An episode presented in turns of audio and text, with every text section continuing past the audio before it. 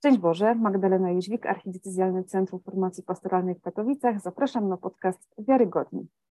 Dzisiaj nie jesteśmy w studiu Radia M. Nasza rozmowa jest nagrywana internetowo, a moim gościem jest dr Maria Miduch, znana wszystkim jako też Maja Miduch. Witam Cię serdecznie. Dzień dobry, witam bardzo serdecznie. No myślę, że nie muszę przedstawiać, czym się zajmujesz i kim jesteś, bo chyba nie ma takiego słuchacza, który by nie wiedział. E, Oj, nie wiem.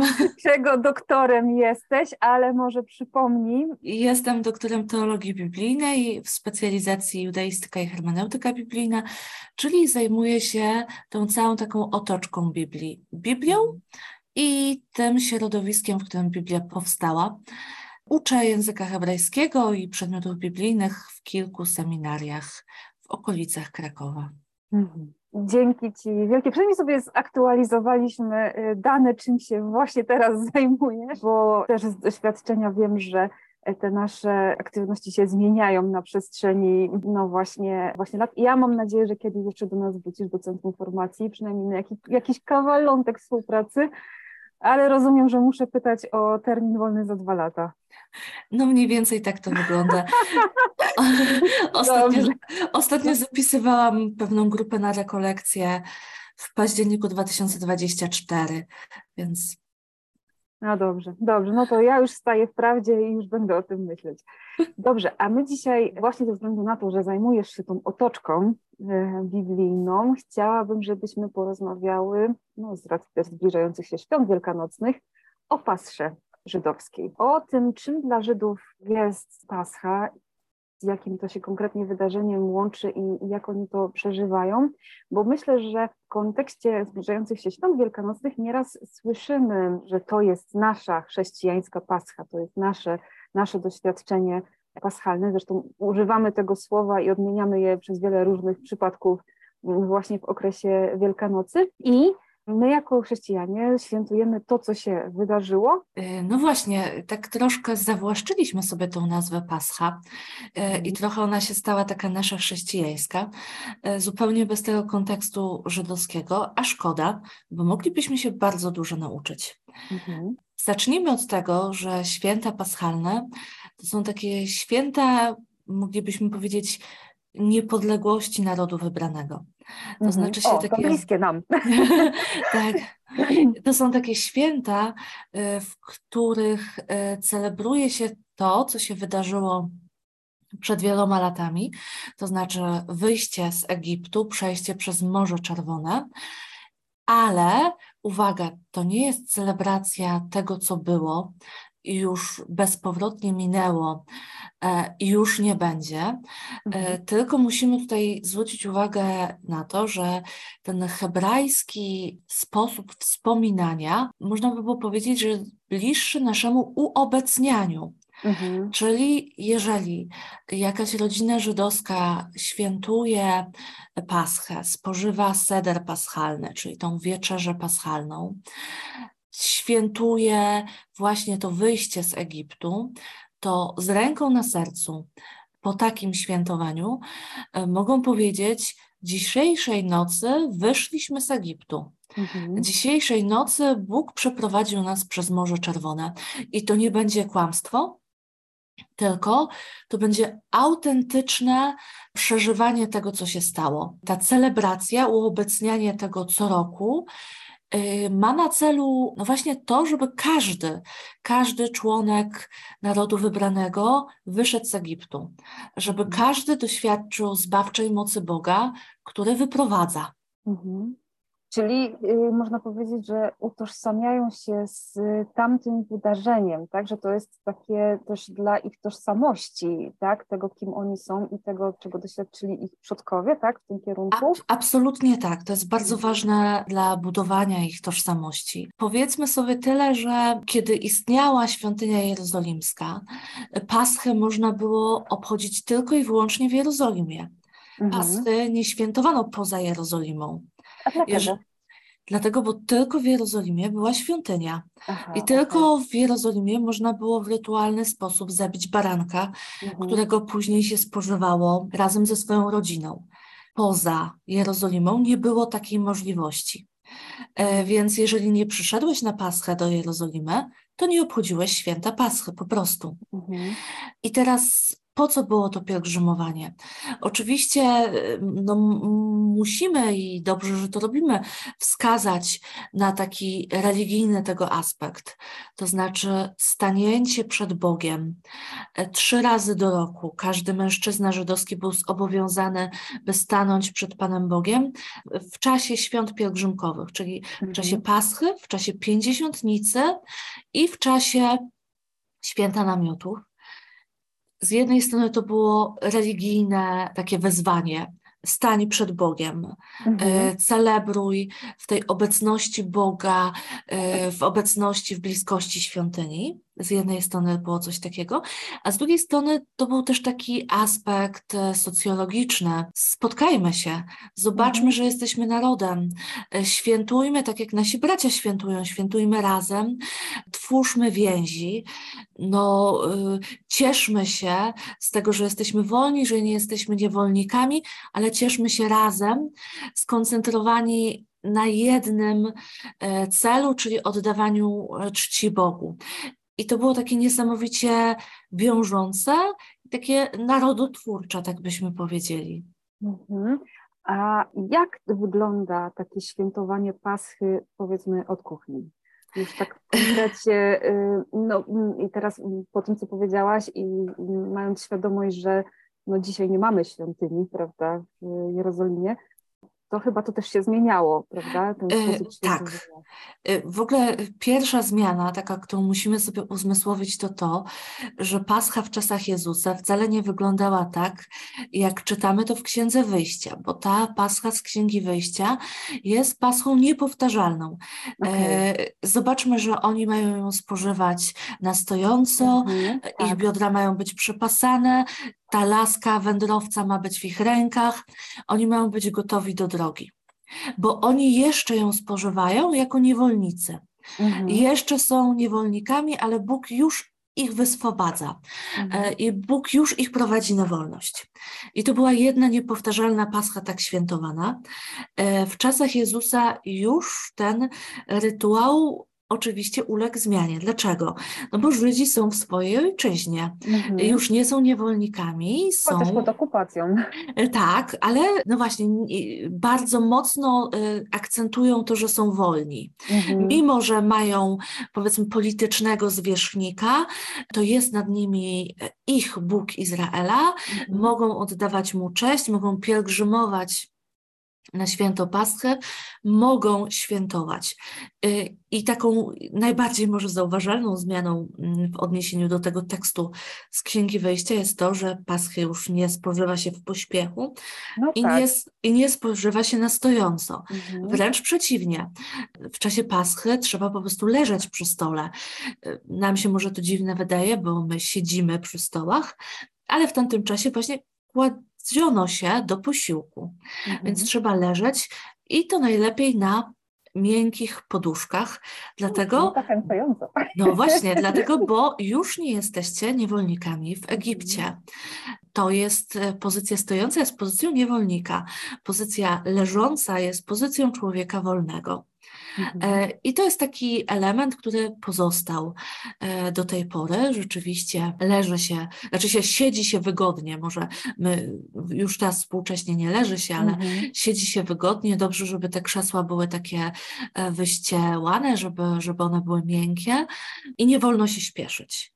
Mhm. Nie wolno się śpieszyć i myślę, że to jest taka fajna mm, wskazówka dla nas chrześcijan, którzy będziemy świętować Paschę, chociażby o tą liturgię paschalną chodzi. E, tych czytań jest bardzo dużo, ale nie wolno się śpieszyć. Mhm. Nie wolno ich skracać. Mhm. Dajmy czas dajmy czas, dajmy czas. Mm, no właśnie, y, więc ten brak pośpiechu i taka radość ze świętowania jako człowiek wolny. E, mhm. To był ten motyw taki przewodni, który przez wszystkie etapy kształtowania się tej wieczerzy paschalnej się przewija. Powiedzmy sobie wprost, że e, nie mamy takich bardzo dokładnych opisów, jak ta Pascha wyglądała za czasów Jezusa, ale na podstawie pewnego takiego mocnego przywiązania do żydowskiej, Żydów do żydowskiej tradycji, mhm. możemy pewne rzeczy zrekonstruować. Na pewno Mhm. Na pewno zabijano baranka, na pewno zabijano go e, w świątyni i na pewno go spożywano. Na pewno spożywano chleb niekwaszony, czyli macę. Mhm. E, na pewno spożywano gorzkie zioła i e, na pewno było wino do czterech kielichów, które należało wznieść w mhm. czasie tego świętowania. Mhm. E, te kielichy mają, każdy ma swoją nazwę, więc jak przyjrzymy się Jezusowej ostatniej wieczerzy i spojrzymy na to, co przedstawiają nam ewangeliści, to wiemy, że Jezus nie spożywa ostatniego z kielichów, czwartego, mhm. spożywa razem ze swoimi uczniami trzeci kielich, kielich odkupienia, tak mhm. się ów kielich nazywał, i potem odśpiewują psalmy i wychodzą.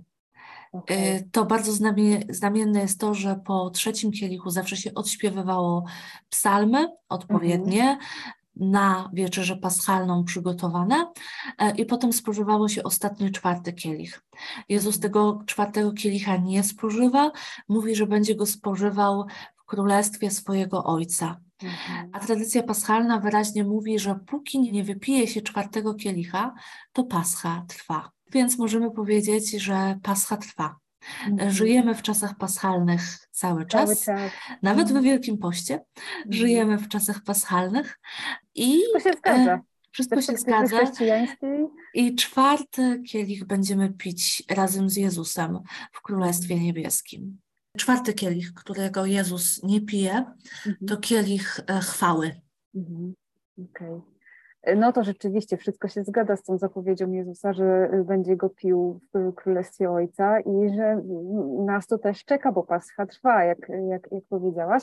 Jak jeszcze, y, czy możemy jakoś tak y, zrekonstruować przebieg tej wieczerzy paschalnej w sensie, bo wiemy, że są poduszki, jest miękko, jest wygodnie, jest czas, są kielichy, coś jeszcze się tam dzieje? Tak, jest, jest mhm. dużo rzeczy się dzieje. Ta wieczerza paschalna to jest także taka domowa katecheza dla najmłodszych. E, Możemy czasie... taki przebieg opowiedzieć po kolei? Dobrze, to może mhm. zacznijmy od początku. Mhm. E, taką wieczerzę paschalną, jak każde żydowskie świętowanie takie domowe, rozpoczyna kobieta. E, I to jest ciekawe, że kobieta ma tutaj bardzo ważną rolę w mhm. domowej liturgii e, żydowskiej. Ona zapala świece, dwie świece i mhm. odmawia nad nimi błogosławieństwo. Błogosławiony jesteś Panie Boże Wszechświata, bo uświęciłeś nas swoimi przykazaniami i nakazałeś nam zapalać świece w dzień i tutaj mówimy Wielkiego Święta, mhm. Paschalne, w dzień Szabatu, w zależności od święta. Mhm. I kobieta też zapalając te świece, nad nimi dokonuje takich ruchów rękami, jakby chciała zagarnąć to światło, zagarnąć to światło do siebie. To jest bardzo symboliczne, bo mhm. y, to pokazuje, że ona zaprasza to światło do siebie, żeby to światło weszło w nią, a przez nią przeszło na całą rodzinę. O, to, e, ładne. to jest bardzo piękny symbol, mhm. bardzo piękny symbol. I zaczyna się świętowanie w czasie tego świętowania ważnym takim elementem jest obmycie rąk. Mhm. E, to znaczy się najstarszy z rodu, ten, który jest głównym celebransem e, domowej wieczerzy paschalnej, ma umywane dłonie przez najmłodszego, oczywiście takiego najmłodszego, który umie tego dokonać, oczywiście tak. I zobaczmy tak sobie właśnie wycieczkę w stronę ostatniej wieczerzy Jezusa tam mamy umycie nóg. I mhm. stąd to zdziwienie apostołów, że Jezus, ten, który jest głównym celebransem, jest rabbim, e, nie czeka, aż oni obmyją jemu ręce, tylko on chce obmyć im i to w dodatku nogi. To wielkie zdziwienie. I to, co teraz jest takie ważne na wieczerzy paschalnej, ale ta tradycja jest tradycją starożytną, więc mm, w czasach Jezusa na pewno jest zakorzeniona. Na stole paschalnym muszą znaleźć się odpowiednie potrawy. Y, musi być maca, i mhm. musi być wino. Maca to ten chleb niekwaszony, więc warto o tym pamiętać, że jak gdzieś tam graficznie przedstawiamy ostatnią wieczerzę, to Jezus nie łamie bochenka chleba, mm-hmm, ani no tak. bułki, mm-hmm. tylko jednak to jest taki placek chleba niekwaszonego, czyli macy. Mamy też gorzkie zioła. Mm-hmm. Gorzkie zioła i słoną wodę, w których się macza te zioła. To symbol ucisku niewoli egipskiej. Mhm. E, mamy też haroset. Haroset to taka, powiedzielibyśmy, sałatka na słodko, może tak? No, o, to brzmi dobrze. tak, e, z jabłek, mhm. miodu, białego wina, bakali, cynamonu, e, ma być słodka, mhm. ma konsystencję przypominać glinę, bo ma przypominać tą glinę, z której Izraelici wyrabiali cegłę mhm. w Egipcie i ją także się spożywa. Odkąd nie ma świątyni jerozolimskiej, raczej nie spożywa się baraniny w czasie e, tego święta. No bo nie ma gdzie e, zabijać baranka. Nie ma gdzie zabijać baranka. Czasem symbolicznie na stole żydowskim pojawia się przełamana kość barania, jako symbol tego, że coś bezpowrotnie, przynajmniej na razie, mhm. jest niemożliwe do wykonania. Mhm. Oprócz tego pojawia się też jajko. Jajko posypane popiołem. To ma symbolizować, no. tak, ma symbolizować nadzieję na odrodzenie świątyni jerozolimskiej, mm. która legła w gruzach, ale ufają Żydzi, że zostanie odbudowana w cudowny sposób przez przychodzącego Mesjasza. Mhm. I jest też chrzan. Chrzan czasem bywa łączone z gorzkimi ziołami. Mhm. Mm, te gorzkie zioła w naszym kręgu kulturowym i klimatycznym to pietruszka, e, różne rodzaje sałaty. W każdym razie chodzi o taką gorycz po smaku. Mhm. E, no właśnie ten chrzan dodatkowo wyciska łzy z oczu. Oj, tak. E, I zobaczmy to wszystko, co znajduje się na tym paschalnym stole, jest podobne do tego, co wkładamy do koszyka wielkanocnego, no kiedy chcemy tak, pobłogosławić pokarmy, prawda? No, może my właśnie włożymy jeszcze wieprzową szynkę, ale, ale, ale no właśnie, e, zachęcam, może, może można by było zrobić taki koszerny koszyczek ze święconką. Żeby się tak y, jakoś solidaryzować. W każdym razie, żeby pamiętać, że to nie myśmy to wymyślili, tylko te potrawy, które lądują w koszyczku, to są potrawy, które od wieków przez naród żydowski były jedzone jedzone właśnie w święta paschalne. Mhm. Ja też się spotykam czasami wśród różnych osób wierzących, że szczególnie w tym czasie świąt jedzą jak mięcinę właśnie, jako taki wyraz takiej właśnie no, mm, rzeczywiście paschalnego myślenia mm, na wzór właśnie tego baranka paschalnego, którego spożywali, spożywali Żydzi, ale teraz to, o czym mówisz, że, y, że właśnie ta jagnięcina się już nie pojawia, no bo nie ma świątyni, to też tak jakoś dało mi do myślenia, że jakby chyba nie doceniamy tego wydarzenia, tak? tego, że właśnie Żydzi dzisiaj no, nie mają swojej świątyni, no więc nie ma gdzie zabijać tych tych baranków, nie? Tak. Tutaj... Żydzi nie mają, ale każdy, kto w czasie paschalnym udałby się do Izraela i odwiedził Samarię, mhm. mógłby zobaczyć, że na górze Gerizim mhm. e, ciągle zabija się baranki, e, ciągle się je spożywa w czasie paschy właśnie w ten rytualny sposób, upieczone na ogniu całymi rodzinami, ponieważ mhm. Samarytanie nieprzerwanie na górze Gerizim od czasów po deportacji babilońskiej e, sprawują kult. I ten mhm. kult ciągle tam trwa i widać, jak to wygląda. Mhm. No tak, tutaj myślę, kojarzy nam się od razu rozmowa Jezusa z Samarytanką, prawda? Tak. Na której górze oddawać Bogu, e, Bogu cześć. No dobrze, no to wiemy jak siedzimy, wiemy jak jemy, mm, wiemy, że mamy mieć czas, wiemy, że kobieta tutaj ma ważną rolę, wiemy o obmywaniu, co jeszcze się dzieje w czasie Paschy? E, myślę, że jeszcze ważną e, rolę w czasie Paschy odgrywa prorok Eliasz. Otóż Żydzi oczekują, że nim przyjdzie Mesjasz, mhm. powinien pojawić się prorok Eliasz, by przygotować drogę dla Mesjasza. I oczekują na niego szczególnie w czasie Paschy. Mhm. Dla niego nalewa się specjalny kielich wina. Dla mhm. niego jest puste nakrycie przy stole, mhm. E, że Anusz przyjdzie, Janusz stanie w drzwiach i, no i wtedy zasiądzie do stołu. Y, jest taki moment, w którym prosi się dzieci, żeby wyszły do drzwi i zobaczyły, czy za drzwiami nie stoi prorok Eliasz, żeby wow. go zaprosić do mhm. stołu. I to jest naprawdę taka wielka nadzieja na to, że on wreszcie przyjdzie i to już, już, już ten Mesjasz się pojawi. Więc to jest też bardzo ciekawy zwyczaj. Myślę, że trzeba nam jeszcze coś powiedzieć o samej macy. Mhm. E, już trochę wspomniałyśmy, ale jeszcze jedna rzecz. Myślę, że każdy z nas wie, jak wygląda maca. I ta maca jest taka podziurkowana i taka poorana, mhm. i ona taka ma być. Dlaczego? I to jest bardzo ciekawe, bo Żydzi uważają, że ta maca właśnie taka ma być, taka przeorana, podziurkowana, bo ona ma przypominać ciało cierpiącego sługi Jahwe. O, no tak, no to e, I to jest niesamowite. Mhm. E, I to jest niesamowite, bo właśnie to tą macę, taką przeoraną, podziurkowaną, Jezus bierze w swoje ręce, błogosławi, mhm. łamie i mówi: To jest ciało moje. No tak, no to teraz z tym e... kontekstem i z tym, co się kojarzyło jego uczniom, którzy Dokładnie tak. w tej tradycji e, żydowskiej wychowani, no to Dokładnie tak.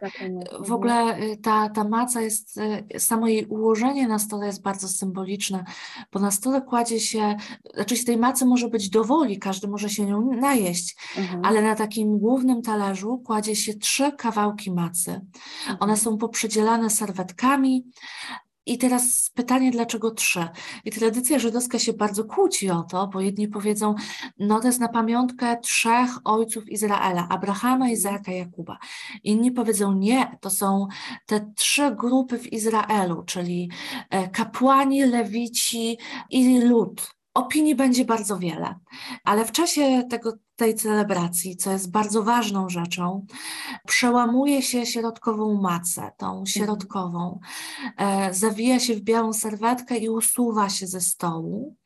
Po drugim kielichu wina szuka się tej macy, to dzieci szukają tej macy, kiedy ją znajdują, dostają w zamian jakieś słodycze, e, mhm. coś w nagrodę, że ją znalazły, ale my moglibyśmy się zapytać, jaka jest symbolika przełamanej drugiej macy.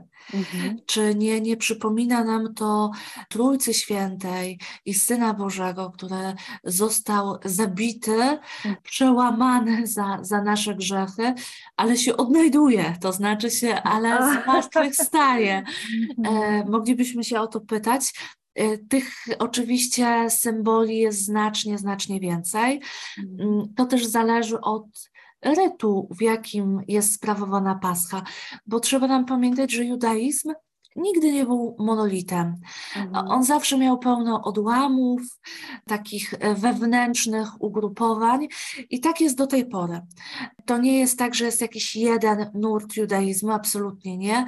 Ich jest bardzo wiele i każdy wypracował jakiś jakąś swoją oprawę tej liturgii mm, paschalnej, tego sederu paschalnego.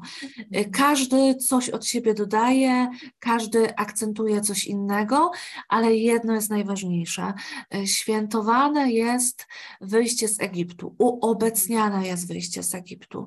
Oni naprawdę po takim świętowaniu mówią i mogą powiedzieć tej nocy wyszedłem z Egiptu. Tej nocy Pan Bóg Izraela mocną ręką i wyciągniętym ramieniem wyprowadził mnie z niewoli do wolności. Mhm. E, jak Cię tak słucham, to sobie uświadamiam rzeczywiście, że no, ta znajomość tej, tych zwyczajów żydowskich związanych z Paschą bardzo nam pomaga zrozumieć to, co się dzieje w naszej liturgii i co się dzieje w czasie naszego świętowania Wielkanocy, ale gdy mówiłaś o tym Eliaszu i o tym pustym miejscu, to miał, mam wrażenie, że mamy pomieszane święta, że powinniśmy to puste miejsce z Bożego Narodzenia przenieść na Wielkanoc i wtedy bylibyśmy jeszcze bliżej tej, tej intuicji. Natomiast chciałam Cię jeszcze zapytać, czy Żydzi się jakoś przygotowują do Paschy? My mamy Wielki Post. Tak. I też się u nas zmieniało to, prawda? Mm. Zmienia się u nas długość Wielkiego Postu. Na początku był bardzo krótki, teraz mamy 40-dniowy. A jak to jest u nich?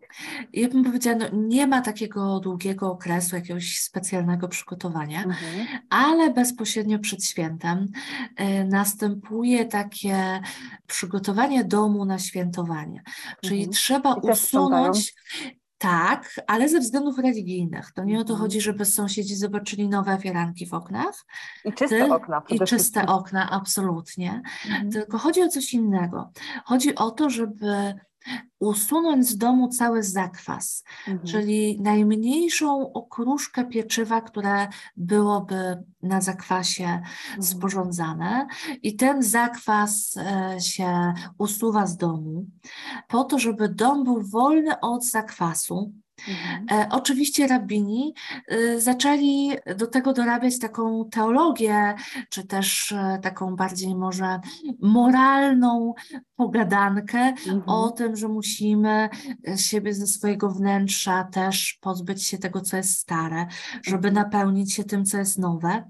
E, jak najbardziej słusznie, ale to chodzi o to, żeby to pieczywo, które będzie spożywane w czasie Paschy, na serio było tym pieczywem bez zakwasu, żeby nie miało styczności z zakwasem, żeby się jakoś przez przypadek samo nie zakwasiło, mhm. bo musi przypominać to, które na prędce było upieczone przez izraelskie kobiety, wtedy, kiedy wychodzili na pustynię, wyprowadzeni przez Pana Boga.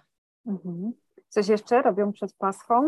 Wydaje mi się, że, że jakby akcent y, jest tutaj na ten zakwas i szukanie po domu najmniejszej okruszki. Mhm. Często to jest związane z też taką zabawą i edukacją dzieci, mhm. e, że właśnie dzieci z ojcem chodzą, szukają.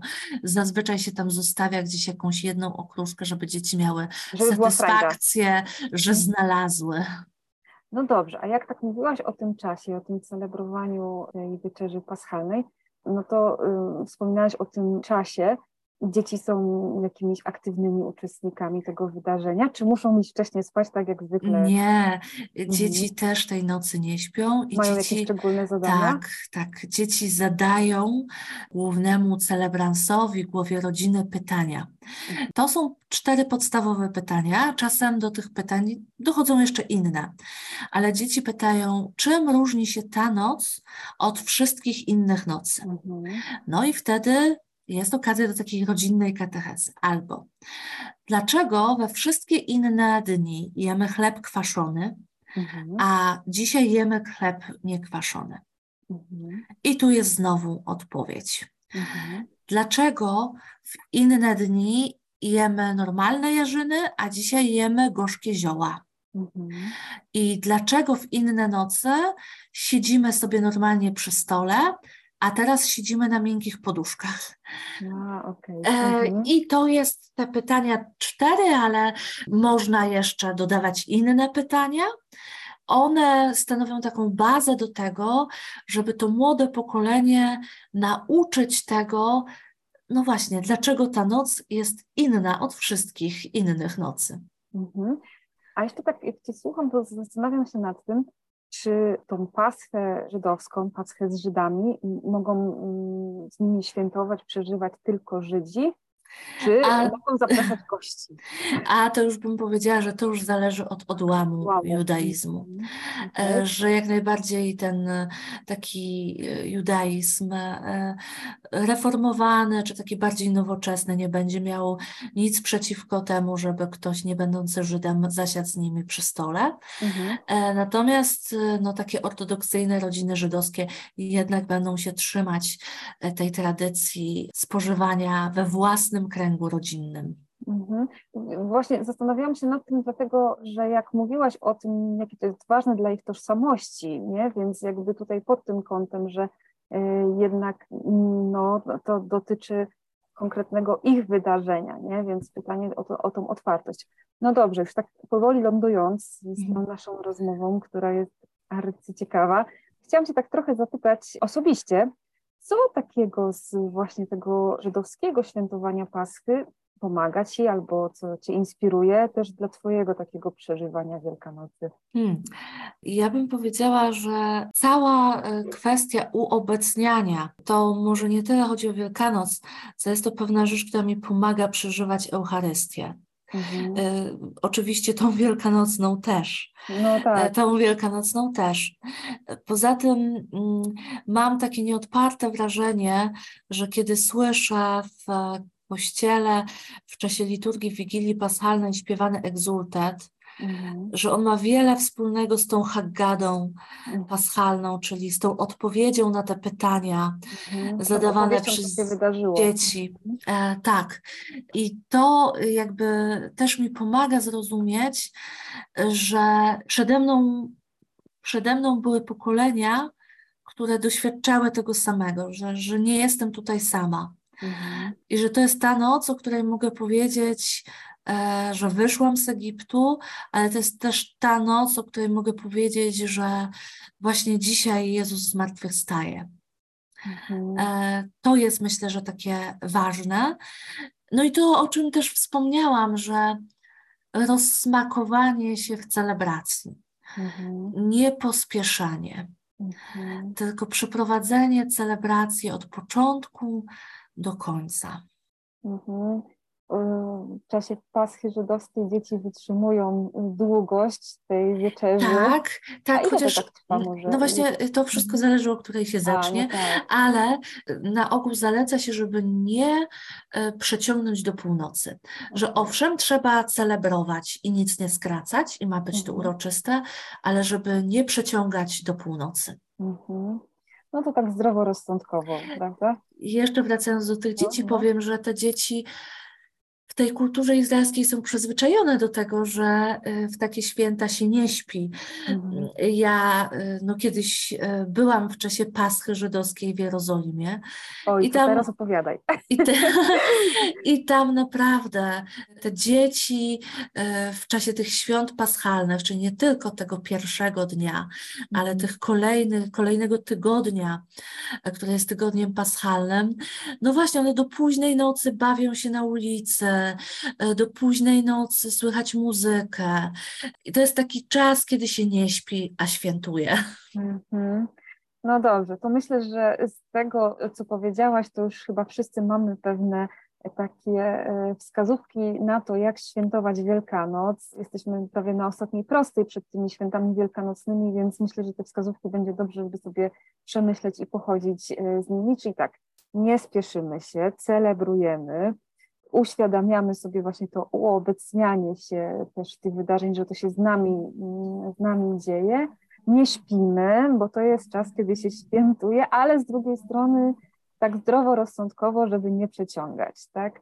Czy nas słuchają duchowni czy świeccy? Myślę, że wszyscy jakoś odpowiadamy za tą e, liturgię świąt paschalnych, więc e, zapraszam do przemyślenia sobie jeszcze tych wskazówek. Dziękuję Ci bardzo. Również dziękuję. Dzięki, że znalazłaś chwilę, żebyśmy mogły o tym, y, o tym porozmawiać. Ja tylko przypomnę, że dzisiaj moim gościem w naszym podcaście Wiarygodni była pani doktor Maria Miduch. Dziękuję Ci bardzo. Dziękuję bardzo. I dzisiaj nasz podcast wyjątkowo nie był nagrywany w studiu Radia M, ale i tak jesteśmy wdzięczni Radiu M za wszelką współpracę i wsparcie. Do usłyszenia. Do usłyszenia.